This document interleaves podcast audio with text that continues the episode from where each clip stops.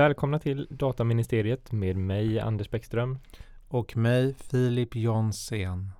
Och nu fortsätter vi Filip på samma tema som förra veckan på så vis att vi faktiskt har två gäster med oss. Eh, närmare bestämt Privacypodden.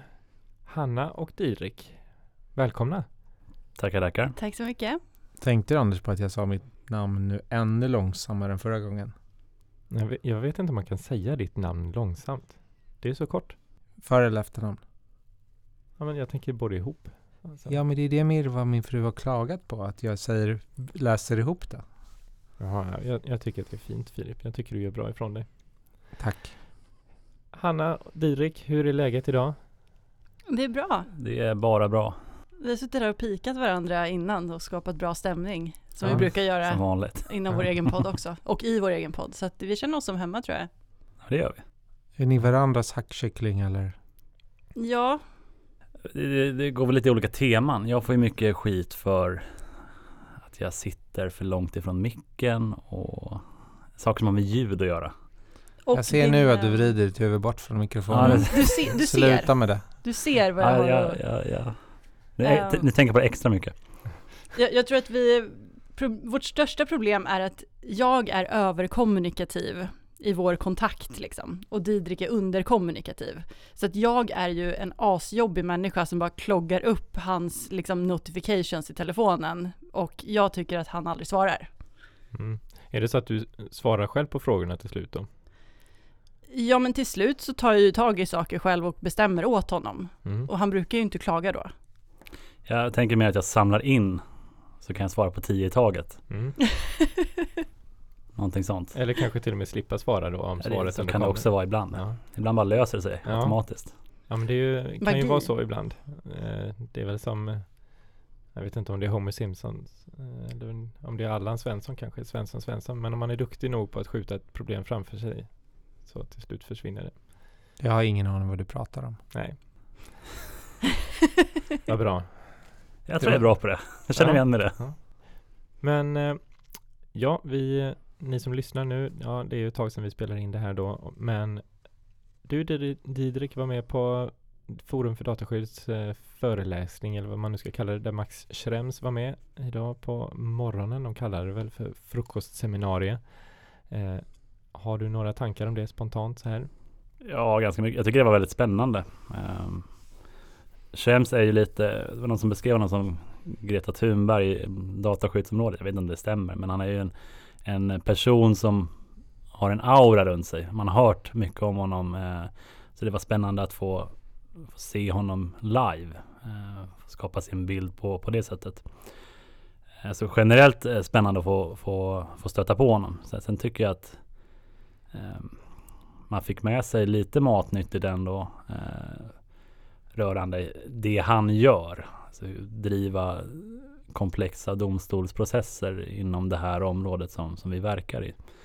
Eh, rätt spännande med, med och för er som inte var där så gav man ju en liten bild av eh, hur de tänker när de är liksom i startgroparna av att att starta en process och hur otroligt komplext det är Eh, med frågor som var ska vi skicka in den här anmälan? Eh, hur ser oddsen ut för att vi faktiskt får ett gynnande beslut av en tillsynsmyndighet? Hur påverkar det sen när vi hamnar i en, eh, en domstolsprocess? Eh, det var lite av en, en, en ny värld som öppnades för mig. Hela komplexa bilden där. Är det gynnsamt för oss att få en domstolsprocess på Irland eller ska vi söka en annan väg för att hamna i en annan domstol? Mm. Eh, De skillnaderna mellan, mellan medlemsländerna som faktiskt råder på, på det området. Mm. Eh, Så sen är det ju ja, det, det är ju ett, ett komplext problem vi står inför nu. Han pratar ju en del om den domstolsprocessen han är i just nu eller varit i. Eh, där man EU-domstolen testar eh, standardavtalsklausulernas giltighet och, och även som en följd på det Privacy Shield Mm. och huruvida de ska, ska stå sig. Och, ja, det, det är ju en, eh, en process som eventuellt kan vålla ganska mycket problem beroende på vad domstolen kommer fram till. Mm. Ja, verkligen.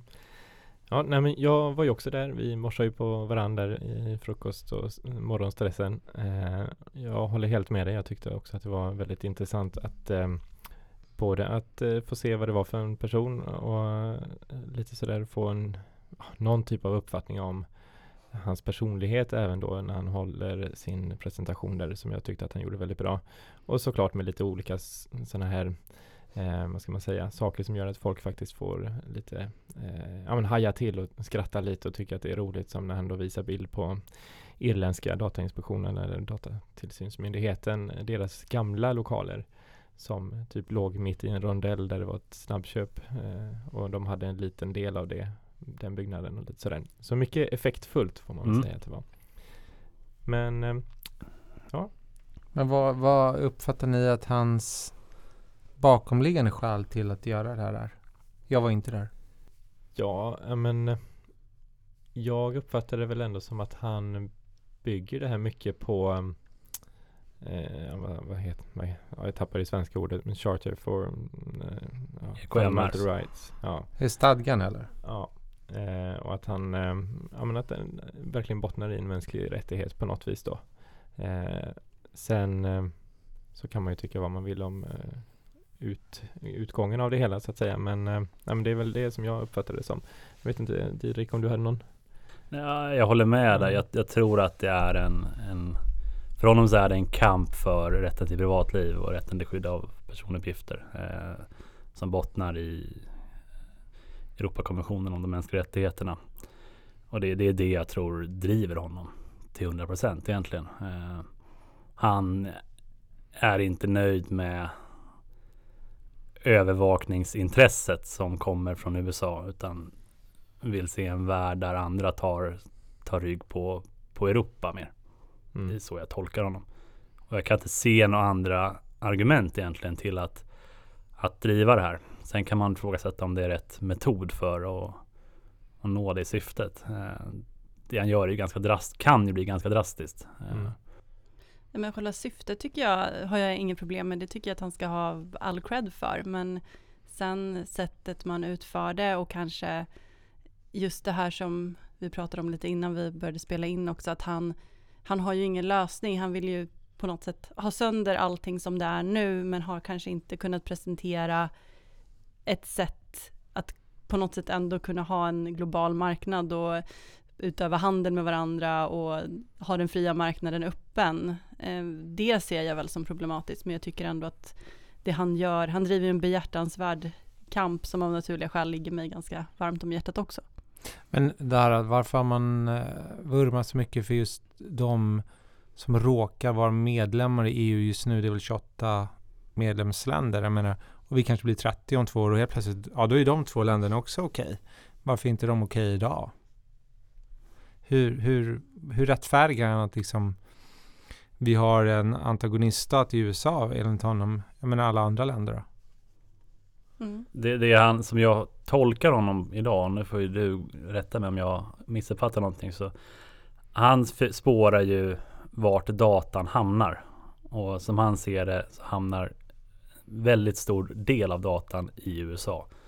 Och det kombinerat med, med de möjligheterna som finns i USA via deras lagstiftning att, att faktiskt samla data och, och övervaka även oss. Eh, det är väl det som gör att han riktar in sig så starkt på, på just dem.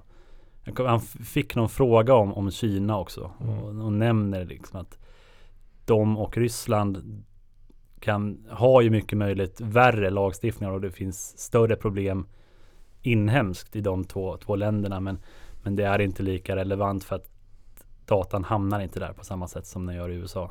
Eh, Det, Jag det, tänker på Indien, där hamnar ju väldigt mycket data. Ja. Indien poäng. kom ju aldrig på tal. Nej. Det, Nej. Jag eh, hör ju det nu att det kanske du borde ha gjort. Men, men jag tänker lite standardklausulen är ju inte USA utan om de blir ogiltigförklarade då är det ju till alla länder utanför EU förutom Argentina och Israel och de här länderna som är godkända. Mm. Så all överföring till Indien kommer ju också bli olaglig. Mm. Ja, det är mycket som står på spel kan man väl säga. Ehm, nej, men han hade ju inte någon eh, kommentar på just eh, de bitarna, utan eh, det är ju, jag uppfattar det precis som du, att eh, han ser att eh, all data hamnar på ett eller annat sätt over there i USA och att ja, deras system ser ut som det gör och det är de grejerna som på något sätt då kokar ner till vad han faktiskt gör om dagarna då. Men var det någon som frågade möjligheterna som myndigheter inom EU har att få tillgång till information? Nej. Du borde ha varit där, känns det som nu. Ja, men jag har- hinner inte. Jag kan inte gå klockan åtta, alldeles för tidigt. Då ska man lämna i skolan. Mm.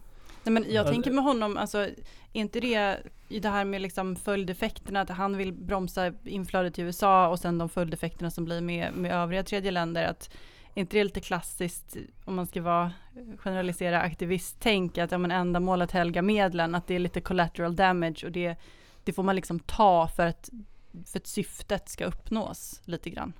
Är inte, tänk, kan man inte tänka lite så? Alltså, Jag vet inte om det är... Jag håller inte med om det nödvändigtvis, men jag, jag tog fasta på en grej och jag vet inte om det är ren imagebyggande men han, han försöker ju tona ner bilden av honom som, som en galen aktivist. Eh, och som han beskriver det i, i morse så har ju domstolen i Irland som har hänskjutit de här frågorna till EU-domstolen. De har ju ställt lite värre frågor än vad han kanske hade velat. Eh, han beskriver det som att han tycker inte att standardavtalsklausulerna borde ogiltigförklaras som en helhet utan han tycker att de borde ogiltigförklaras för den typen av företag och leverantörer som USAs regering har rätt att övervaka med hjälp av deras lagstiftning. Det är väl elektroniska kommunikationstjänster men det kan vara en annan definition där än, än den vi har i Europa. Eh, men det är ju företag som, som Facebook till exempel. Eh, så jag, jag tror inte att han Han har nog ingen tanke med att den ska förklaras Eller de ska förklaras som en mekanism att föra över uppgifter över hela världen Utan han, det är de här företagen specifikt han är ute efter Sen Och har på frågan tal om Facebook. Ni pratar mycket om Facebook i er Mm. egen eh, privacypodden. Ja, det har blivit en del Hur, eh, jag har aldrig haft Facebook själv. Men hur eh, är er inställning idag till Facebook?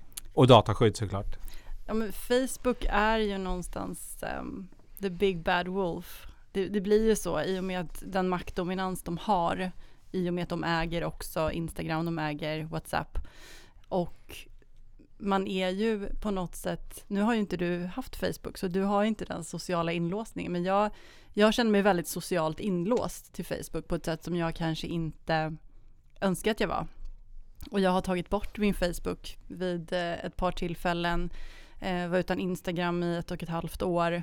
Men det som är det hemska någonstans i, i det, det är att även om du tar bort allting så är du ändå på något sätt övervakad för att deras pixlar finns på varenda hemsida ändå. Så att för min del så mm, jag vet inte, jag jag tycker att det är väldigt skrämmande. Jag tycker att Facebook är en skrämmande aktör. Sen så är ju själva Facebook-varumärket, tycker jag, lite på dekis. För att det har varit så himla mycket nu i media och Mark Zuckerberg har fått traska till kongressen och försvara sig vid flera tillfällen. Eh, jag tror kanske inte att just Facebook som plattform, så som den har varit och så som den var tänkt från början, är, är något som kommer vara kvar särskilt länge. Jag tror att det kommer liksom bytas ut, men jag menar Instagram tror jag ligger kvar ganska stadigt i användande. WhatsApp har de ju nu faktiskt lyckats eh, kryptera ordentligt så att det har blivit en, en säkrare tjänst i det avseendet. Så att själva Facebook som företag tror jag aldrig att vi kommer bli av med. Men eh, jag, jag tycker att det är problematiskt med deras, ehm, det monopol de har.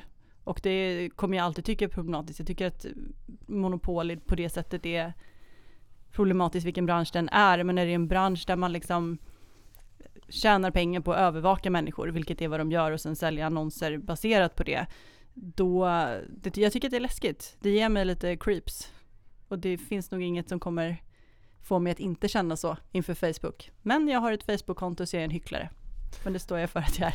Men när du nämnde att du inte tror att Facebook deras centrala sociala plattform inte kommer att överleva, menar du att kommer komma en ersättning eller kommer de själva utvecklas till någonting annat?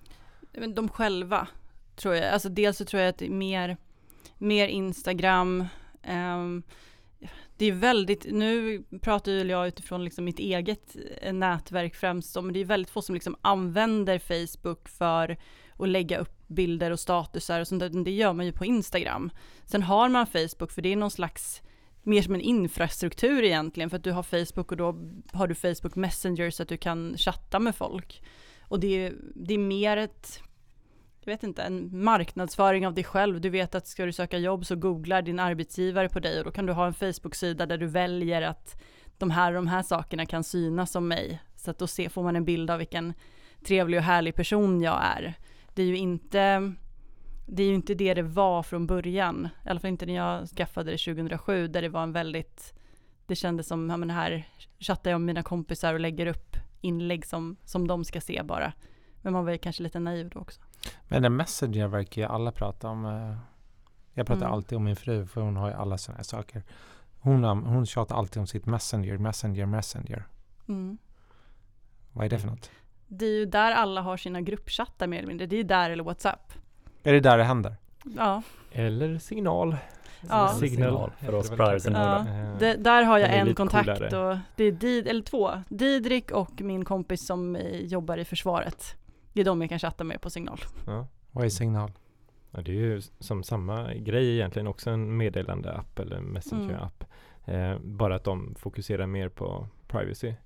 Eh, som jag har uppfattat det i alla fall. Mm. Eh, och inte då att den datan hamnar någon annanstans utan hos dem. Men varför, varför använder ni inte sms? Det gör jag ju också hela tiden. Det jag sms, antingen smsar jag till min fru eller till dig. Hela tiden? Nästan. Ja, Men man vill ju ha gruppchattarna, det är ju det. Man, familjechatten det- måste vara någonstans. Och så måste du ha liksom kompisgängen och Det Mm. går Vad, att vad, skapa familjechatten, vad är det för något? Får jag vara med där? om, med din familj, du får inte vara med med min familj. Nej, okej. Det är faktiskt väldigt privat. nej. Eh, nej men den har ju, jag vet inte, på WhatsApp där har man familjechatten liksom. Ah, WhatsApp. Mm. Så det, men Messenger tänkte jag. Messenger, där har jag lite olika chattgruppskonstellationer med mina vänner. När Didrik var singel så hade vi en som hette Didrik dejtar, där vi försökte liksom hitta kvinnor till Didrik. Eh, men det, den Det är inte låter kvar. ju lite obehagligt bara så här att hitta. Inte det var- Tinder? Vi hjälpte honom ja. med hans eh, Tinder-dejtande via den chatten. Ja det var en obehaglig tid i livet. Mm. Så går det när man jobbar med massa tjejer som är uttråkade. Men eh, det har ändrats nu eh, då förstår jag. så Den, den var inte vid liv så länge för att Nej. min relationsstatus ändrades Mm. eh, rätt tajt Han tyckte det. chatten var så obehaglig. Mm. Så. Ja, jag skrä- skrämdes nog till att tag i Uppdatera det. din status på Facebook, för det har jag förstått att man kan göra. Ja det har inte jag gjort, så inaktiv är jag. Det är två år sedan nu. Men jag trodde Men- du sa att du hade gjort. Jag tror vi pratade om det här. Nej, nej det kan vi inte ha Vi gjort. hade någon podd där vi pratade om ehm, om man, eh, vad man är bekväm att berätta på busshållplatsen framför främmande människor eller om man pratar i telefon med sin kompis på en allmän plats. Eller var det på jobbet och sen på nätet. Och då var det om ens relationsstatus har förändrats och då sa du att det kan du berätta på nätet. Ja, jag är öppen för det. Det var jag nog i, i det svaret. Men Ah, jag tror inte okej. jag har gjort det. Ja, då missförstod jag dig. Men det är lite annan fråga, för det är att man inte vill jinxa. Ja, det- det är Mm. bra. Spelar fortfarande svår. Precis. Hon ska inte vara säker. Men jag tänkte på det här WhatsApp, för att det, det har jag ju berättat om tidigare. Jag hade inte WhatsApp heller förrän mitt eh, barn började skolan nu här i, i höst. Då, var, då tvingades jag skaffa WhatsApp eftersom gåtåget, det vill säga ehm, de konstellationer av barn i närområdet som man, en förälder tar allihopa. Okej. Den diskussionen sker på WhatsApp. Då Mm. kunde ju du säga, jag är inte bekväm med det här, det här är ju information om var våra barn ska befinna sig. Nej, vi, vi tar det här i signal allihopa, så att om alla bara kan migrera nu till min chatt som jag har Ja, gjort. det, jag hade inte kunnat säga det eftersom jag inte kände till signal förrän nu. Nej, jag har ändå försökt att liksom promota signal bland mina kompisar och de flesta bara, nej jag orkar inte en app till. Mm. Eh, nej, okej, Eh, men då, då får det vara då. Ja, det är lite samma grej som med, med sociala medier eller Facebook generellt. Det, det, det finns ju en ganska kraftig inlåsningseffekt. Ska du skaffa signal som vi har försökt så bygger det på att alla andra skaffar signal också. Annars är det rätt irrelevant att du själv sitter och chattar där. eh, För att det finns ingen mottagare. Nej, så det blir ju, jag menar även du och jag har ju skaffat signal, men vi skriver ju ändå på Messenger. Ja men det är mer av lathet. Det, Ja, det kanske är. Men mejlar ni er själva också? För det är Maila oss själva ja. med viktiga saker. ja. Ja, ja gud ja. ja, ja men det gör man ju. Men eh, man, kan man tänka så här, jag har en egen chattgrupp, jag chattar med själv. Kan man göra det? Jag vet inte. I och för sig så har ju jag en jobbtelefon också, så jag skulle ju i och för sig kunna messa mig själv. Det kan du göra. Mm. Ja, men det kan du också göra. Ja det kan jag. Men det tycker jag händer titt som tätt att man får mail från sig själv eh, fast med länkar till olika ställen. Har ni klickat på dem? Ja, alltså nu tror jag du är ute efter att det inte var du som skickade, men jag skickar även länkar till mig själv. Ja, jag Ja. med. Ja, det här ska jag läsa sen. Ja. Ja, Och läs Så de sen. läser jag på. aldrig. Nej, då klickar man inte på dem. Jag tycker den där artik- sparade artiklar på LinkedIn den blir bara längre och längre den listan. Mm. Obehagligt. Men Jag brukar skicka länkar till Didrik. Ja det händer. Mm. Det är duktig att kolla på adressfältet först. Ser Ja. ut att vara en Och du gör det? Adress. Ja, ja. Bra, Infosec-människan i mig. väldigt bra. På tal om Infosec, um, jag har ju kartlagt dig lite grann inför det här. Oh, spännande. Och då har jag ju sett att du skrev en uppsats inom skadeståndsrätt på Stockholms Ja. universitet. Gränssnitt mellan skadestånd och avtal. Det var bra researchat. När var det ditt dataskyddsintresse väcktes? Jag hade inte en tanke på det här när jag pluggade. Det här var inte en kurs egentligen. När man, jag gick på Stockholms universitet, gick ut 2016 i januari. Jag tror att PUL fanns med i en liten del termin två eller något sånt. Um, så det här, det här var ingenting man hade planerat. Men sen började jag på företaget jag är på nu som heter JP Infonet där även Hanna fanns med. Uh, och Hanna var ju tidigare än mig inne på, på det här spåret. Dataskydd och, och är redaktör för en infotjänst vi hade svar som heter JP Internet. Uh, och sen såg, jag vet inte om det är du eller om det är en av våra chefer som fick idén, men behovet fanns ju att, att bli fler som jobbade med det här. Eh, Och vi tänkte att du har ju inget vettigt att göra. nej. Så att jag, jag fick frågan, skulle inte du kunna tänka dig att börja göra det här istället? Och det jobbade jag mer med affärsutveckling och upphandling och var inte helt nöjd med, med den rollen. Så att, att jag kom in på det här är ganska mycket ett bananskal. Eh, men sen öppnades ju ögonen och man fick för, förståelse för, för det här området och nu är man ju fast. Vi drog ju tillsammans rätt fort där och började föreläsa som en, en duo. För jag var ute mycket själv först. Innan, innan Didrik eh, kom in.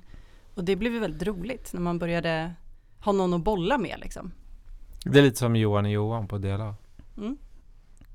Han och Didrik. Vi var en, vi var en duo där. Mm. Ja, Men det är ju lite så nu när man kommer till ställen, då är det så här, jaha var är Didrik? Alltså lite, det är ju lite så. Var är han? Ja men precis, varför är du här ensam? Nej, han svarar inte när Han är inte på WhatsApp. Nej. Exakt. Han byter status på Facebook. Nej men det är slump helt enkelt från början. Som jag inte ångrar.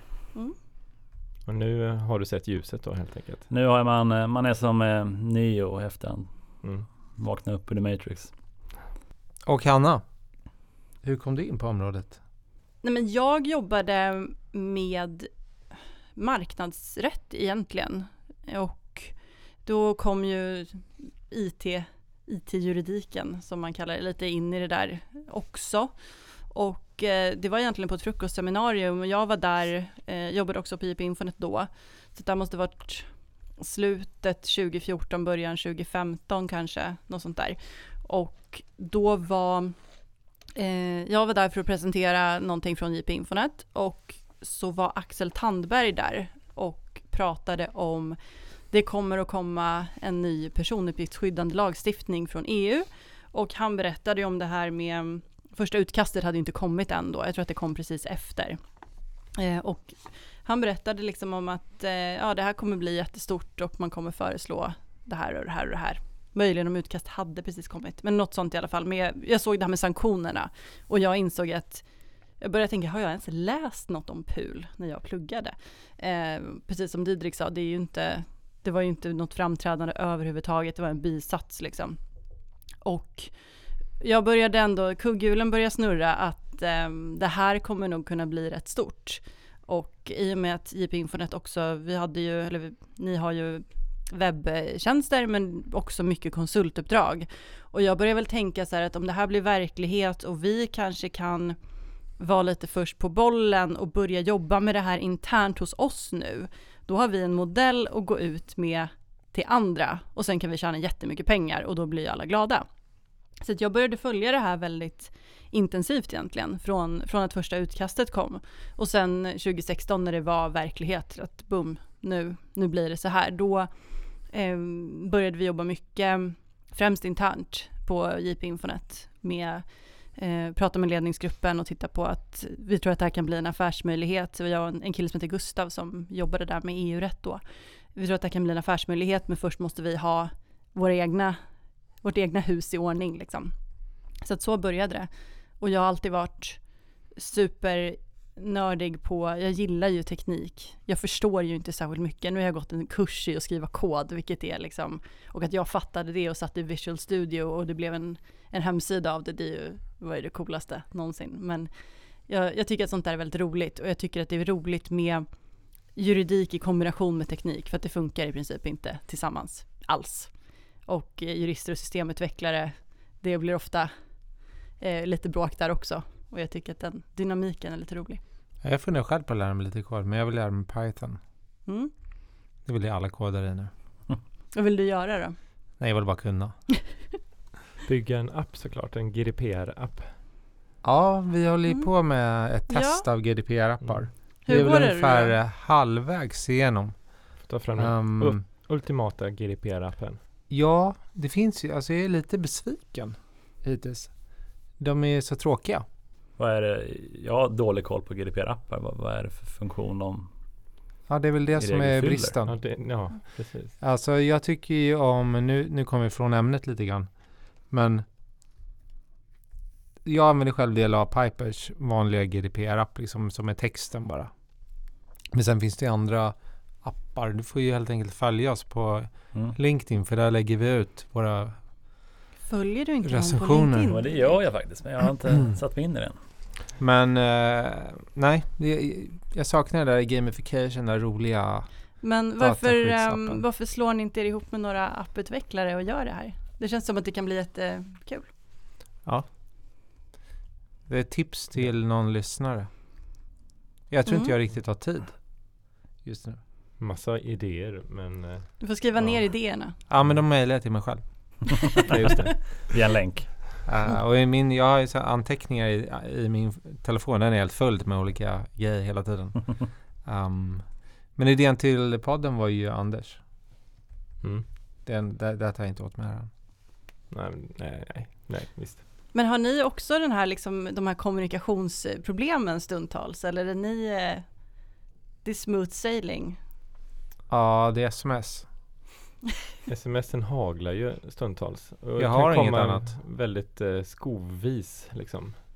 Apropå det här med att kommer tio åt gången. Men det tror jag går åt båda håll faktiskt. För jag, jag kan också uppfattas som en stalker på sms. Tror jag. För att det bara mig. dundrar på tre, fyra sms. Att jag använder det som en chattfunktion. Mm. eh, Ja, men så gör jag istället. också. Att då, ja, men, ja, vart, vart är du någonstans? Jag står här. Att alla de grejerna kommer liksom i olika sms Mm. istället för att det kommer i ett och samma som en del kanske gör. Eh, men då tycker jag nästan att det är jobbigare att klicka ja, radbryt än skicka. Men det, jag har inte fått det smset. Nej, Det har inte inte just, kommit fram än. inte just det. Men, eh, men eh, det, det är väl att Anders ibland missförstår mina sms. Eftersom jag tillhör ironiska generationen. Ah. Ja, det vet jag inte om jag skulle säga just dem kanske. Men eh, ja, nej, men vissa saker kan vi väl ha lite. Det märker jag i och för sig på mina sms också att jag råkar faktiskt skriva fel ganska ofta. Ja, när jag skriver så här, va? Frågetecken. Då, ja, typ när du säger att vi ska ses klockan nio Ja. och inte 19. ja, Då Ja, blir du lite precis. nervös. Ja, för nio har ju redan varit. Mm. ja, det blir jättekonstigt. Eh, men eh, då fick jag ju förklara det i alla fall. Nej men an- alltså det är många som inte förstår mig. På jobbet förstår de inte heller när jag säger. När jag mm, säger saker. De bara Va?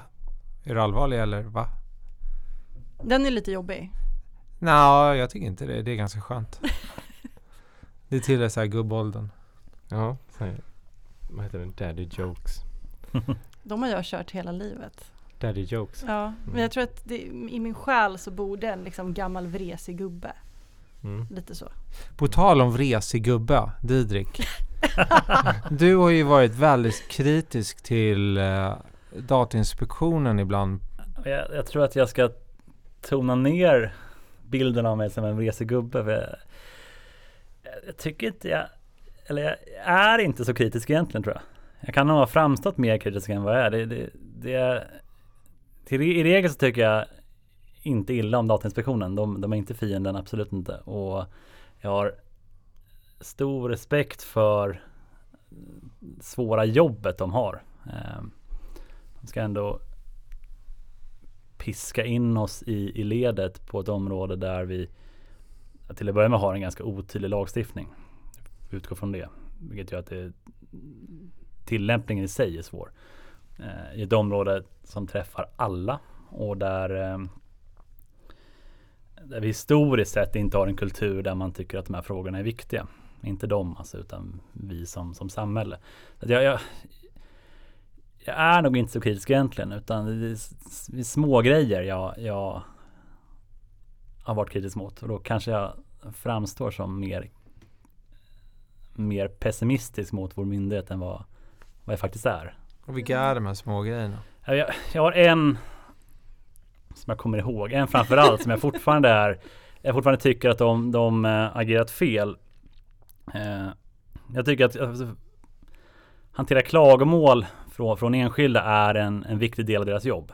Eh, så, som bakgrund till, till min kritik så jag hade en kollega som jag minns inte omständigheterna exakt. Jag tror att det var någonting om att hon skulle köpa någon tjänst på internet.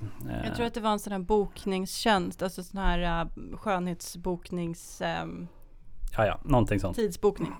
Och där ville de ha personnummer och som jag minns det så var det också så att bolaget eh, inhämtade samtycke för där. Det var ett samtycke som var villkorat med, med tjänsten. Så det fanns en del omständigheter som, som ändå indikerade på att här följer man nog inte förordningen. Så jag uppfattade eller så jag kommer ihåg det. Och hon, hon var ju lite, lite i ett rättshaveristiskt mode också. Så hon, hon lämnade in ett klagomål till Datainspektionen med som grund för sitt klagomål att hon upplevde att samtycket inte var giltigt. Eh, och beskrev omständigheterna. Och varpå hon fick svaret att eh, vi kan inte avgöra om de använder samtycke eller en annan rättslig grund. Så innan vi gör någonting så måste du först eh, ta reda på det här. Eh, och det vänder jag mig mot lite för jag tycker att och här blir jag lite som, som Max Schrems. Eh, så här springer jag lite ur, eh, ur det hela som, ett, som en rättighetsfråga. Det här är en lagstiftning som bygger på en grundläggande mänsklig rättighet. Och då, då måste vi ställa kraven ganska låga på vad den enskilde faktiskt måste göra själv först. För att försvara sin, sin rätt till privatliv eller sin rätt till skydd för sina personuppgifter. Jag tycker att Datainspektionen ska vara, man ska inte vara ett verktyg som vi kan använda för att skydda oss själva utan de ska vara riddaren som hoppar fram framför draken och, och skyddar oss.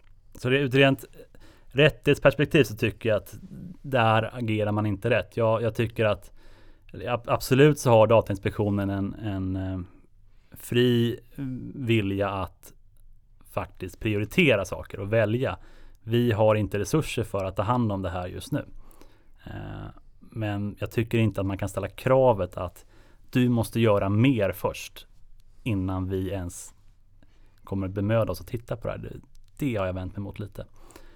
Eh, och ur ett rent juridiskt perspektiv, om man ska bli lite juristisk så tycker jag inte heller, och nu är jag ingen förvaltningsrättsexpert, men jag ja, svårt att se att det här är eh, i enlighet med förvaltningslagen också.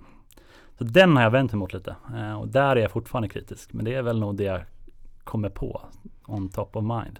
Ja men där håller jag med dig. Sen så har ju vi lite grann, det blir ju också så att det blir ju mer dynamiskt i en podd om man är lite sticker ut hakan lite om man är lite raljerande inom rimliga gränser liksom. Vi sitter inte och säger en massa saker vi inte tycker.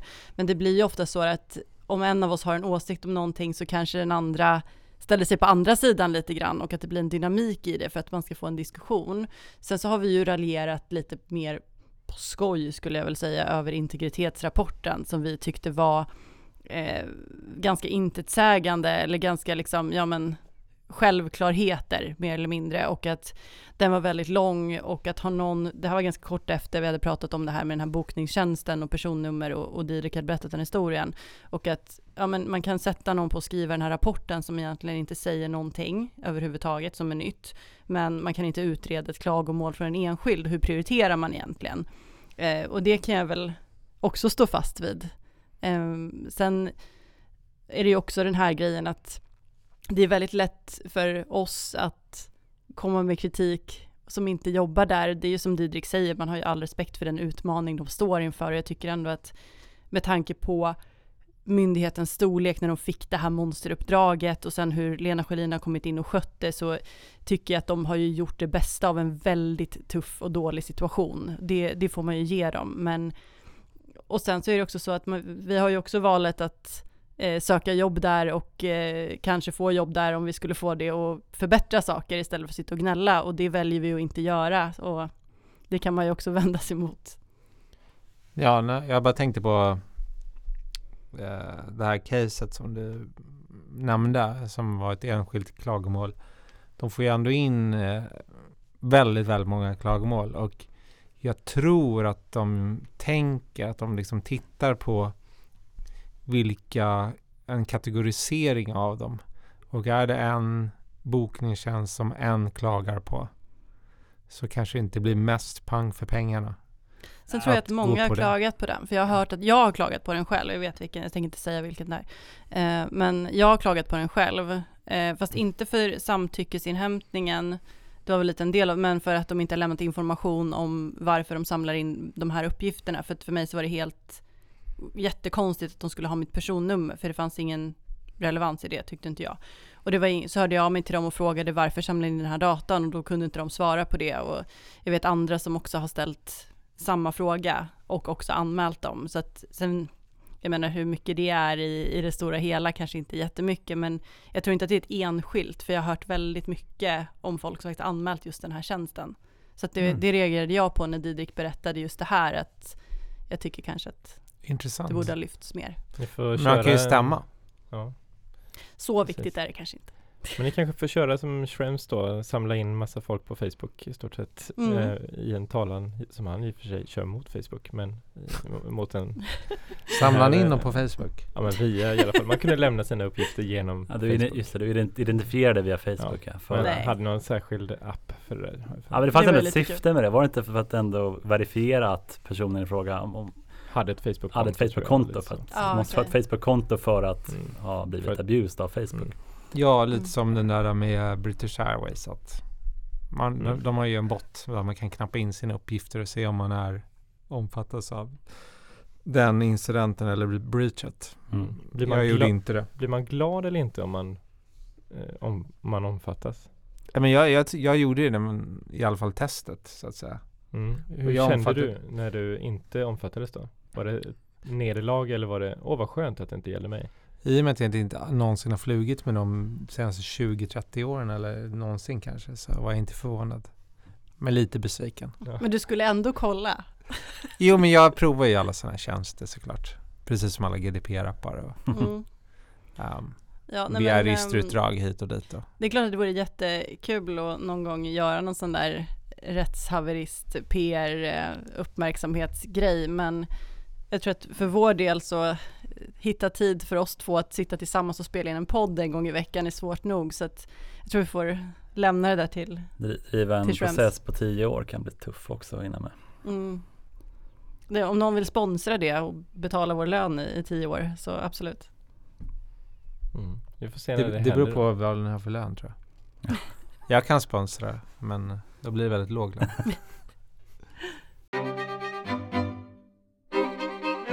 på tal om beslut och grejer och Datainspektionen. det, vi har fått några svenska beslut, eh, ganska få. Men vi har fått desto fler om man ser pan-EU. Är det några speciella? Och ni får inte nämna Planet 49. N- Nämna beslut som, Som, som har stuckit ut, som har varit inflytelserika eller där ni själva har läst någon sån här smulor av vikt. Jag tror inte att man kan undvika att nämna eh, Google-beslutet. Knills var ju lite av en näve i bordet. Det kan bli höga böter. Så den, den gav vi verkligen ringa på vattnet. Utan att analysera innehållet i sig så, så var det en Markering. markering att markering från tillsynsmyndigheterna att eh, vi inte är här för att leka. Så den, Men- den får man ju ta med sig ändå. Där är man ju lite nyfiken för jag vill minnas att den fortfarande är överklagad. Ja, den är väl inte fastställd va? Det jag tänker är ju, ehm, för att det är första gången någon någonsin har varit intresserad av mitt jobb i min närhet. Eller många lyssnar faktiskt på podden just för att vi har gjort den. Det var lite roligt eftersom vår podd, vi startade ju ungefär samtidigt som ni. Alltså mer eller mindre samma vecka. ut. Och jag tycker att det är roligt att vi verkligen har valt varsin nisch i det. För att vi valde ju redan från början att vi ska hålla oss så långt det går ifrån det juridiska och lite grann försöka eh, väcka intresse hos eh, våra vänner och familj som aldrig vill att vi ska prata om våra jobb utan ha lite andra infallsvinklar på integritet för att lite väcka debatt så. Och eh, det har ju gått ganska bra men det, när det framförallt började få ett intresse från, från min omgivning som inte alls är intresserad av de här frågorna egentligen. Det var ju när det svenska beslutet kom för att det blev ett sånt, det blev så stort att nu har den här skolan, dels en skola som har kört ansiktsigenkänning. Skolan ligger i Norrland. Man tänker sig det här är väl något man gör på ett techgymnasium i Stockholm. Nej, det är en skola i Skellefteå. Och sen då att det här blir Datainspektionens första bot. Och väldigt många såg ju också inslaget där som föregick hela utredningen när Nyhetsmorgon eller Morgonstudion var, var inbjudna hem, eller hem till, men till, till skolan. Och de var så stolta och visade upp sin, sin teknik. Och det har ju flest personer som inte är dataskyddsnördar eller jurister eller på något sätt involverade i det här velat prata med mig om. Så att det skulle jag nog säga det jag har sett från, kanske inte för mig person, men för min omgivning som har fått allra störst betydelse. Men ah, ah, på tal om ansiktsigenkänning och det beslutet, är det så farligt? Jag tycker det.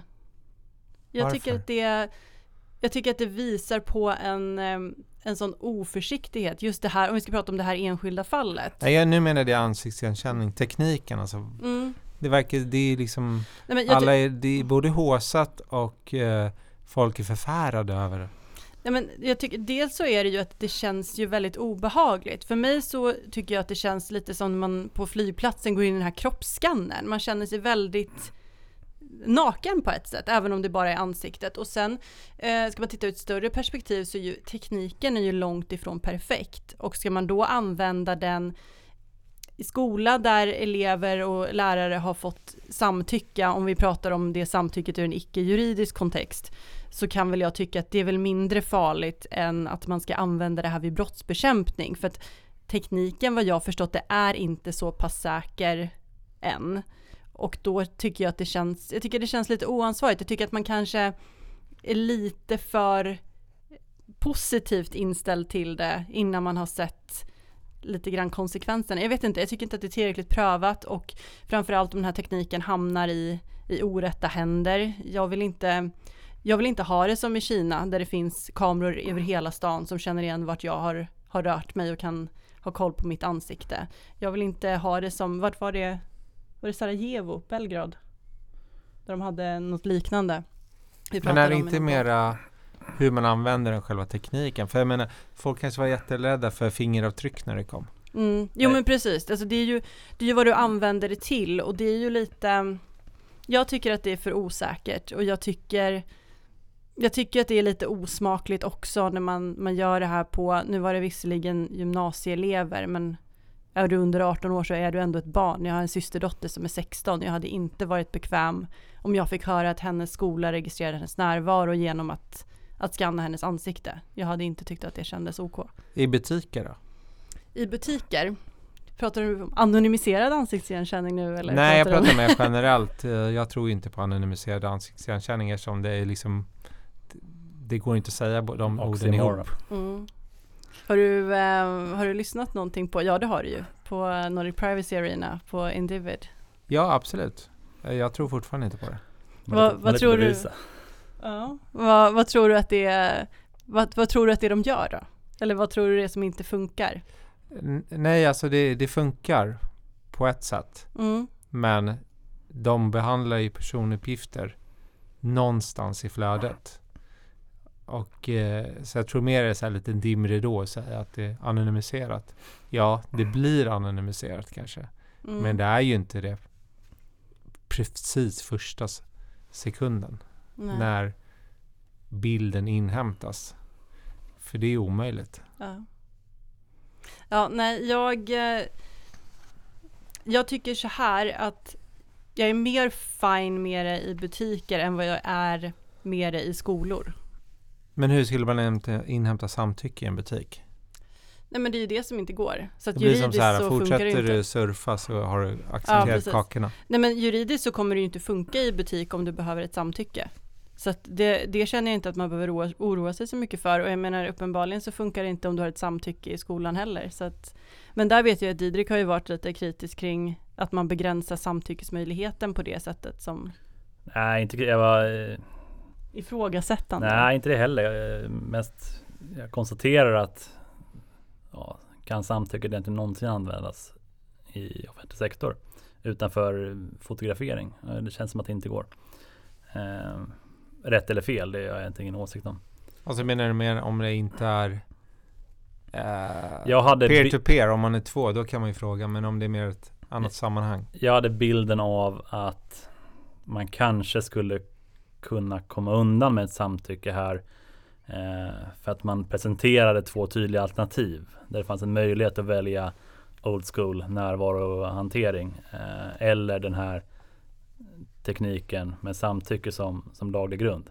Ja, du tänker på Skellefteå nu? Ja, eh, men uppenbarligen så, så är de ju Det håller inte heller. Eh, så att jag, jag har jobbat mycket med offentlig sektor eh, och man har ju stött och blött när man är ute i gråzonen om kan vi använda samtycke här. Eh, ofta har man ju fallit på att det finns inte två möjliga alternativ att egentligen ge prakt- praktiskt.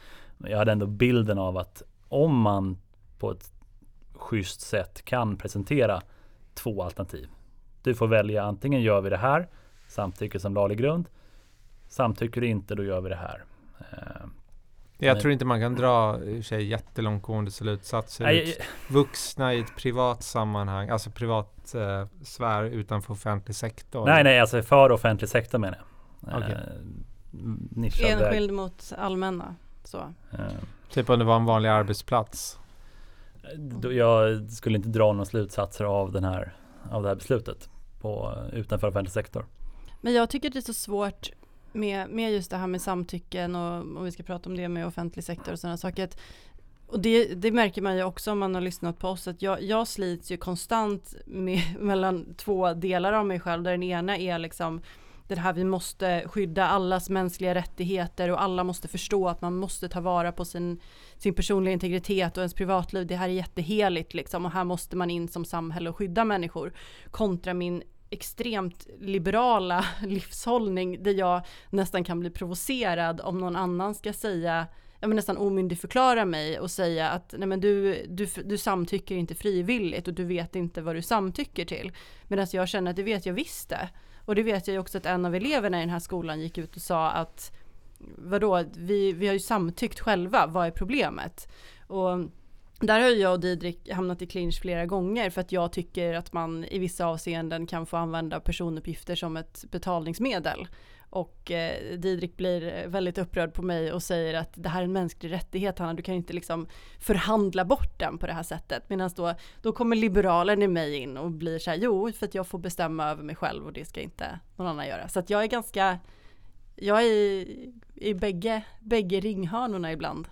Och argumentet med betalmedel, om man då skulle ta det som att man kunde välja vad man betalar med. Där är motargumentet att det kommer att bli en klasskillnad. Ja, Precis, att om du väljer att, om det är ett sånt läge där du får välja att du betalar med pengar och slipper en, en övervakning eller slipper lämna ifrån dig mer personuppgifter, vad det än må bestå i, kontra du behöver lämna ifrån dig personuppgifter, kanske din mailadress så vi kan skicka reklam eller ditt postnummer och din ålder och ditt kön så att vi kan veta ungefär, profilera lite på dig här vad det, du är för, för typ av person. Uh, och det är väl motargumentet att det, det blir en klassfråga. Ja, precis. Jag menar ju på eh, att det blir inte ett fritt val på samma sätt för den som inte har råd att betala istället för att betala med sina personuppgifter. Så den här tanken på att det skulle vara den liberala människans egna fria vilja som styr, det, det, det funkar för oss som tjänar hyfsat mm. bra. Men eh, det funkar inte för hela samhället och då tycker jag inte att det är en bra idé. Och där håller jag ju med dig också. Men um... Ibland får jag till det. men, den, men jag tycker jag är lite så nördig när det gäller bakgrunden till det här. Men ni, ni gör gällande att ja, det är en mänsklig rättighet för att ja, det står ju i, i EU-stadgan, det finns ju några FN-konventioner och det finns lite annat eh, konventioner i Europarådet och så vidare. Men vad spelar det för roll? Vad spelar mänskliga rättigheter för det är roll? Bara en, det är bara vi som har skrivit de här texterna. Men då, då kan du ju säga det om alla mänskliga rättigheter egentligen. Vad spelar de för roll? Ja, nej, jag frågar det. Så här, finns det någon bakomliggande eller är det här det som gäller? Jag tycker att i grunden så har vi rätt till en privatsfär. Eh, och det inkluderar också skyddet av våra personuppgifter. Så jag, jag håller egentligen med eh, vad EKMR säger om de här två grundläggande mänskliga rättigheterna. Ibland mycket mer pratar man så att man äger sin uppgift eller vem, vem Vem äger äg. datan? Ja. Mm. Vem äger datan? Jag vet inte faktiskt. Den där frågan är jättesvår att svara på. Jag har inget bra svar. Jag har inte riktigt bestämt mig själv om man ens kan hävda att man äger personuppgifter eller inte. Om någon kan hävda det. Varken, varken eh, företaget till exempel som behandlar dem eller jag som som enskild person. Kan man äga personuppgifter? Jag, jag vet inte vad jag tycker. Där, jag ska vara Nej, jag, ty jag, tycker det är en jättesvår fråga. Um, och sen blir det ju också, man hamnar ju också alltid i den här diskussionen, vem äger metadatan i så fall? Och det är ju den diskussionen man hamnar i väldigt, väldigt ofta när man pratar om vad vet Facebook om mig? Och det här utdraget du kan få utav dem eh, enligt GDPR då om du begär det. Det innefattar ju inte den här metadatan, alltså de kan ju förutspå saker om dig och har ju väldigt långtgående predictions om, om ditt liv. De vet liksom om du kommer skilja dig om, inom ett år eller alltså, sådana där saker. Och det hade ju varit väldigt spännande att få reda på. Jag har en för detta kollega som är så här, han bara, jag skulle betala för det här. Jag vill få det här. Kan jag inte få köpa det i alla fall då, om de äger det?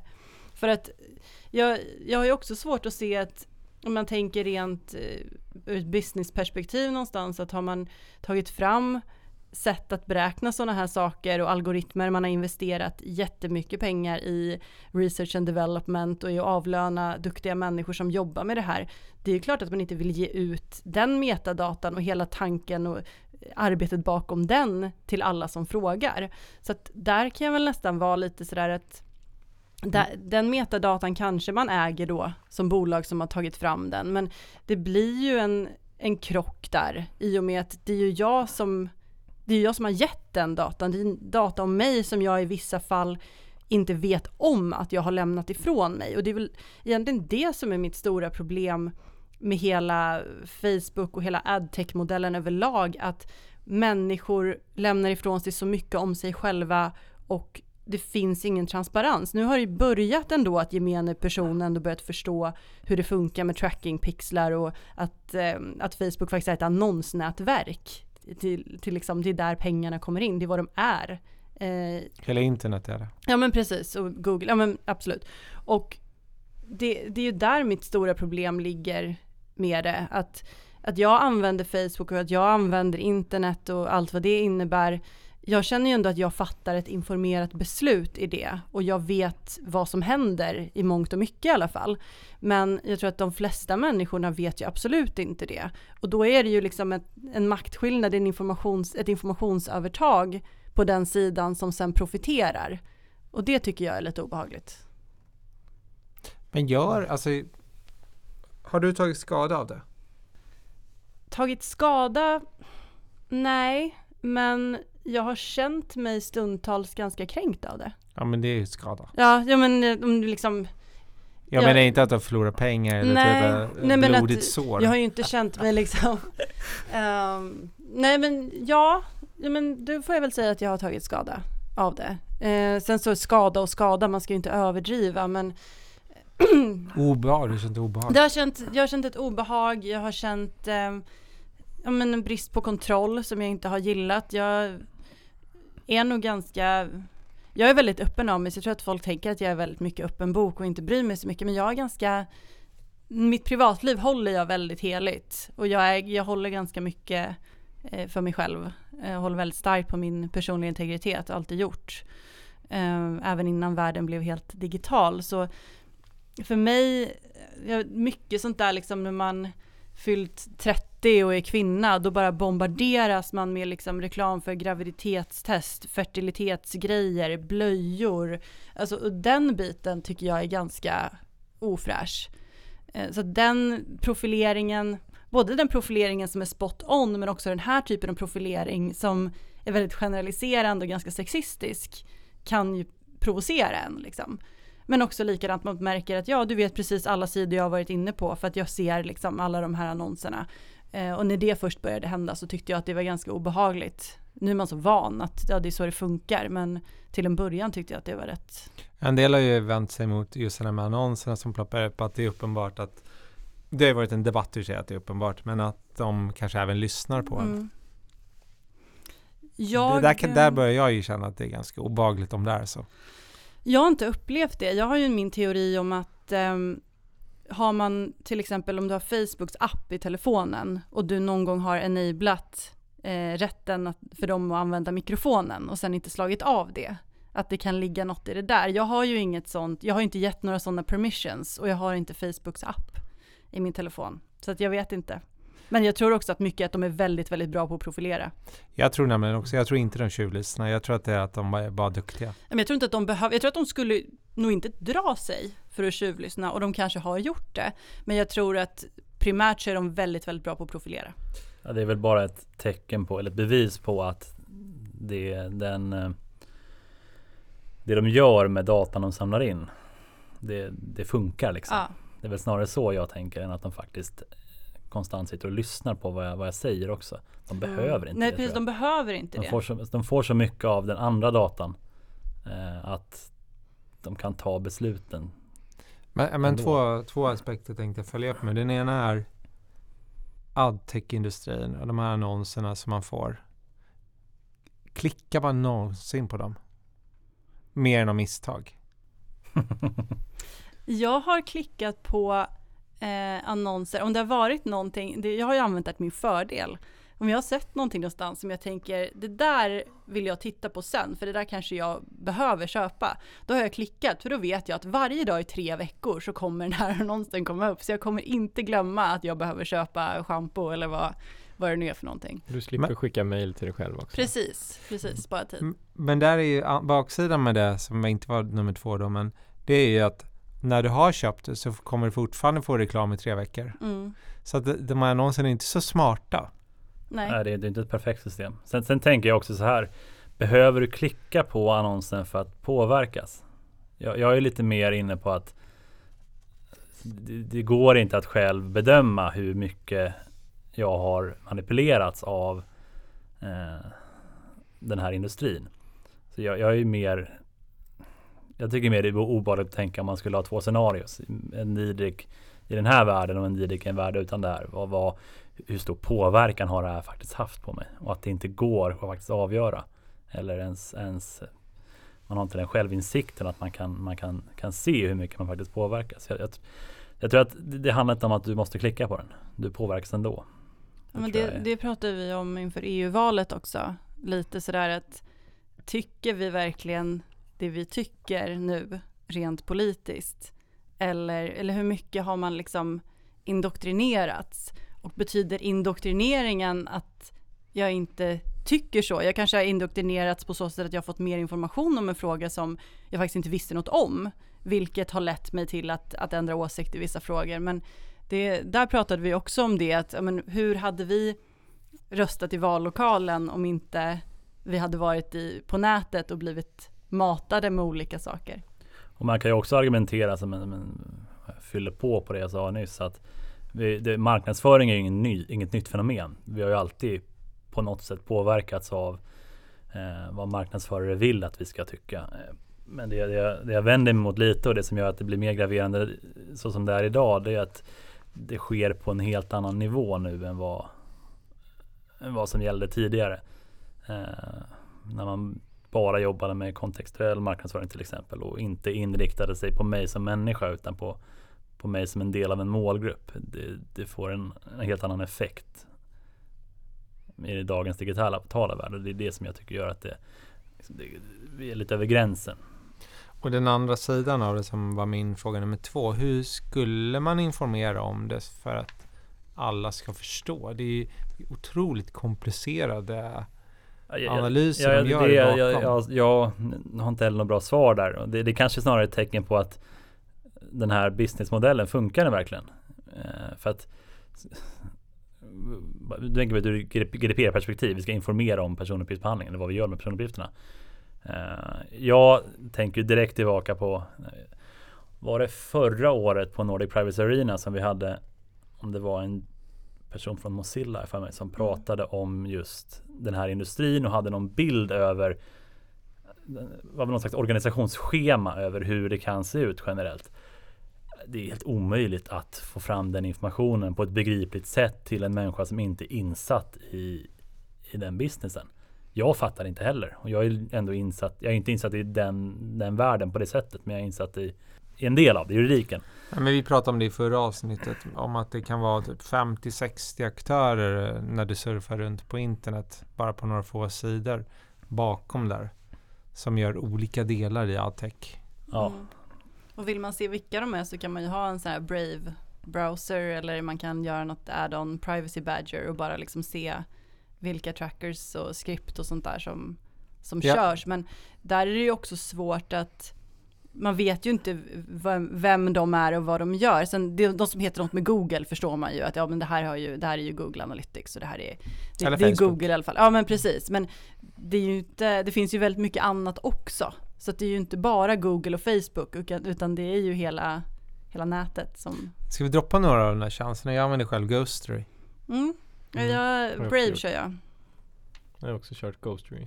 Jag tycker den funkar sådär. Jag tycker inte den fångar tillräckligt. Ja, men nu har den uppdaterats också jättemycket för Mac i alla fall. Så den har blivit konstig. Är Brave? Jag har inte provat den. Brave är bra. Men problemet med Brave är ju att, eller det man märker när man använder Brave, för den blockerar ju verkligen allt. Eh, den blockerar ads och den blockerar liksom alla tredjeparts trackers och, och sådär. Och det gör ju att vissa sid- hemsidor kan du inte använda överhuvudtaget.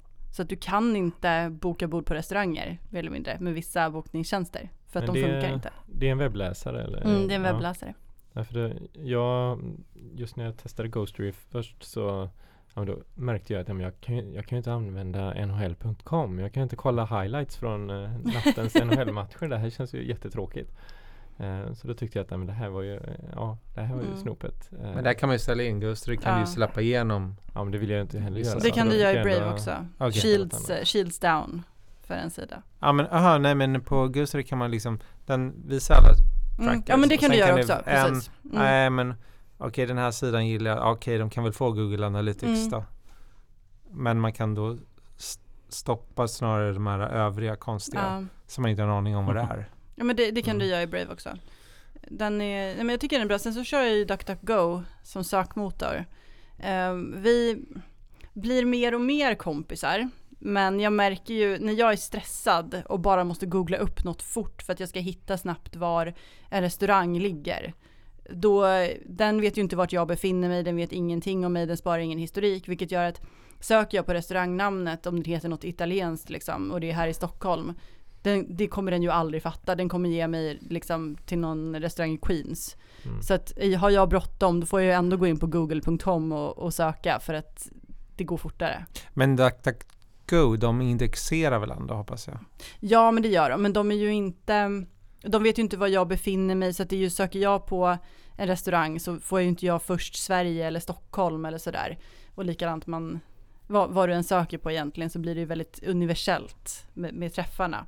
Men jag, har börjat lära mig hur jag ska samarbeta med den. Men är jag väldigt stressad så har jag liksom inte, då orkar inte jag vara samarbetsvillig. Så. Didrik kör också DuckDuckGo. Jag blir tipsad av Hanna vad jag ska använda. Så jag, DuckDuckGo har jag, har jag använt. Jag är väl inte på samma spår, bara att jag inte lärt mig komma överens med den. Så jag, jag är i frustrerat tillstånd. Eh, förbannar jag världen över att den inte är lika bra som Google. Eh, Mm, helt enkelt. tyvärr. Men sen tänker jag också att Jag ju mer man bitter. försöker så kanske den blir bättre. Men, Ja, det är möjligt. Vi får hoppas på det. Men sen finns det ju en, en annan, fast jag vet inte om de bara är en app. Jag har appen som heter Ecosia. Och de är ju också en, en privacy-vänlig eh, sökmotor. Och de planterar träd, så att de är lite så här miljötänk också. Så att för varje x antal sökningar, jag vet inte hur många, så planterar de ett träd. Mm. Det tycker jag är lite fint.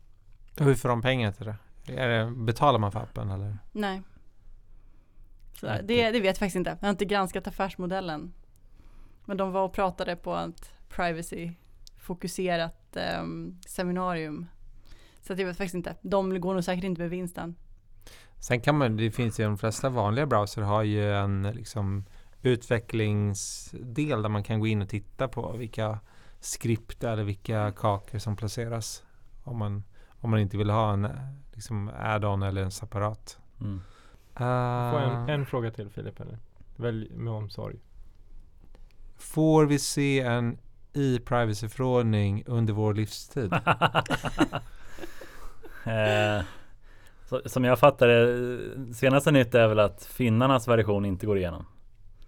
Eh, tyskarna säger väl nej bland annat. Ja, det- den är väl typ så här, den krossar de bara. Ja. Eh, jag vet inte fan.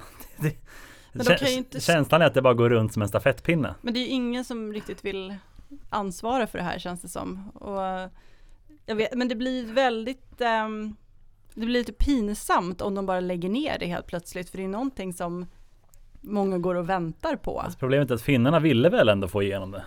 Eh, men, men det verkar vara svårt att nå konsensus liksom. Alltså man hinner ju inte med, om man är ordförande i sex månader, man hinner ju bara ta det liksom, som du nämnde, så här, som stafettpinnen ett litet steg tillbaka. Eller framåt menar jag. Mm. Och tillbaka och då, det blir väldigt konstigt. Mm. Ja. Tre steg tillbaka. Men eh, ja, inga höga förhoppningar om att i närtid.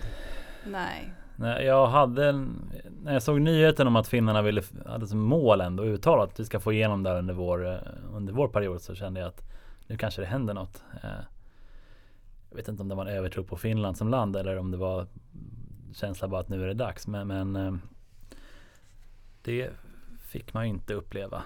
Så nu är man ju i en fas där man har svårt att se vem ska, vem ska få igenom det här någonsin. Det är det Österrike som följer nu. Kan vara det, jag är osäker. Ja. Eh, nej men jag, jag är ju hoppfull men eh, inte lika mycket som jag var innan det finska ordförandeskapet. Så jag vet inte, det är, personligen så känns det som att jag vill att det här ska komma för det skulle underlätta rätt mycket men ja, nu lever man ju i någon typ av ovisshet. mm, Att det kommer domar, alltså Ja. olika domar som har med kakor eller tracking technologies och, och liknande frågor på webbplatser. Eh, Så man bara, ah, okej men Alltså så tillämpar de direktivet analogt samtidigt som GDPR och man blir, man blir lite förvirrad. Mm, ja men det är ju det. Och sen samtidigt när du sitter med, med kollegor som jobbar med, med marknadsföring och med, med hemsidan och som frågar ja, men vad, vad är det som gäller och vad måste vi göra och vilken lagstiftning är det och kan vi göra så här och kan vi göra så här? Och så vet man så här att ja, men, när den här förordningen, om den här förordningen bara skulle ha kommit så skulle det här vara så mycket lättare än att man behöver sitta och förklara varför det är så struligt. För att jobbar man med, med marketing så vill man ju ha ett rakt svar, ja, nej, hit eller hit. Och inte för att man som jurist någonsin ger så raka och bra svar som, som marketing vill ha, men det blir liksom extra jobbigt nu. Så att man blir den här extra jobbiga juristen på företaget och det vill man ju inte vara kanske. Jag tror de sa, jag var nere på IAPP-konferensen för två veckor sedan och då sa de att det går inte att vara compliant med alla de här domarna och redan direktivet. Och det kan vara därför det är så svårt att lagstifta. För man vill liksom inte lagstifta någonting som ingen kommer kunna vara compliant med. Nej men det tror jag, jag tror mycket ligger i det. Faktiskt. För de, säger man som de har sagt nu, så här, ja, det är ett absolut krav på samtycke. Om det inte är så här supernödvändiga kakor. Mm. Vad det nu betyder. Ja, men nödvändiga. Ehm, det, är så, det är så ludd. Alltså det är, man vet ja, men om de är nödvändiga för tjänsten, då är de ju fortfarande nödvändiga. Så det är inte så här eh, en session cookie för att man ska veta att det är samma person i en på till exempel, ja men ta någon bank-id eller någonting. Det är ju så här nödvändigt, men det, Mm. det är ju bredare än det. Men hur brett är det? Efter Planet 49-domen så har ju vi behövt lite nya vägledningar från tillsynsmyndigheten men de, min upplevelse är att de inte heller är överens. Baserat på att nu har vi äntligen fått en dom. Många inom det här området pustade ut lite. Eh, Min, min gamla chef Alexander Hanf dansar väl fortfarande på borden för, av, av lycka.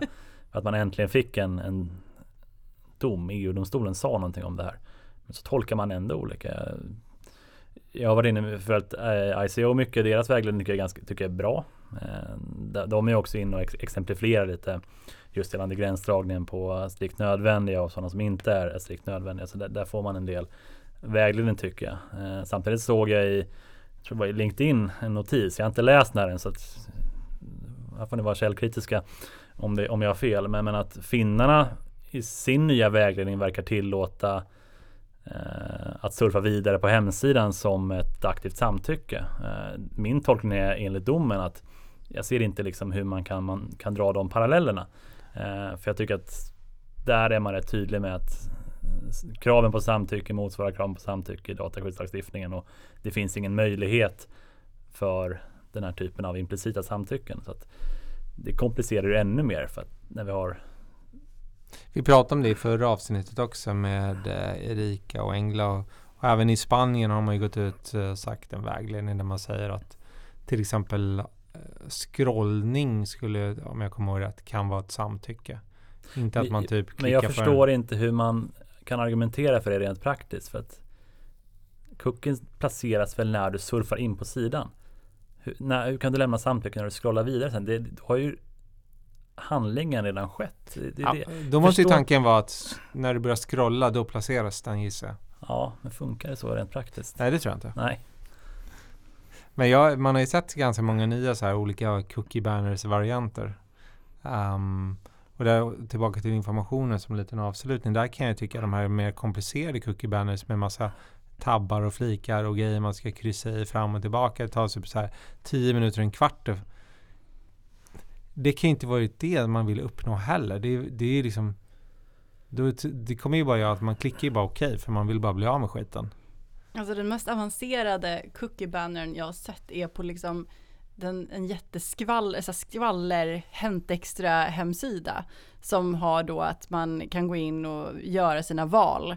Och det är världens liksom en jätteseriös eh, consent center liksom med alla cookies och exakt vad de gör och allting. Och då känner jag så här det känns bara så otippat att det är liksom skvaller skvallersajten har, har utvecklat det här. Det förvånade mig. Men gick det att förstå? Jag fattade ju, men eh, jag har ju nördat in mig på det här så att jag vet inte. Jag får kanske låta mamma gå in där på hemsidan Jag tror att den enda praktiska lösningen om man ska följa lagen så som jag tolkar att domstolen ser på den, det är att ha en, en, en möjlighet att faktiskt kunna välja enbart strikt nödvändiga. Så att, um, om du måste gå in och skräddarsy dina, dina val eller acceptera allt, men då är det som du säger, att fattar jag ändå inte vad den här eh, informationen betyder. För det du ska ju vara tekniker liksom, på den nivån. Hej, får jag placera den här Facebook-pixeln? Ja. Mm. Är det okej att Facebook vet exakt vad du har gjort på den här hemsidan? Och hur ska man göra med mail när det är en Facebook-pixel i ett mail? Mm. Den har ju redan kommit Ja. in i din inkorg. Så Mm. öppnar du bara, oj. Mm. Ja men nu tycker jag faktiskt att vi rundar av. Vi har gått lite över tiden kan man väl säga. Vi får tacka Privacypodden, Didrik och Hanna, så jättemycket för att ni ville vara med i Dataministeriet. Tack så mycket. Tackar, det var kul. Vi får eh, bjuda igen helt enkelt. Ja, men gör det. Tack även ni som har lyssnat för att ni har lyssnat. Ha det gott så hörs vi.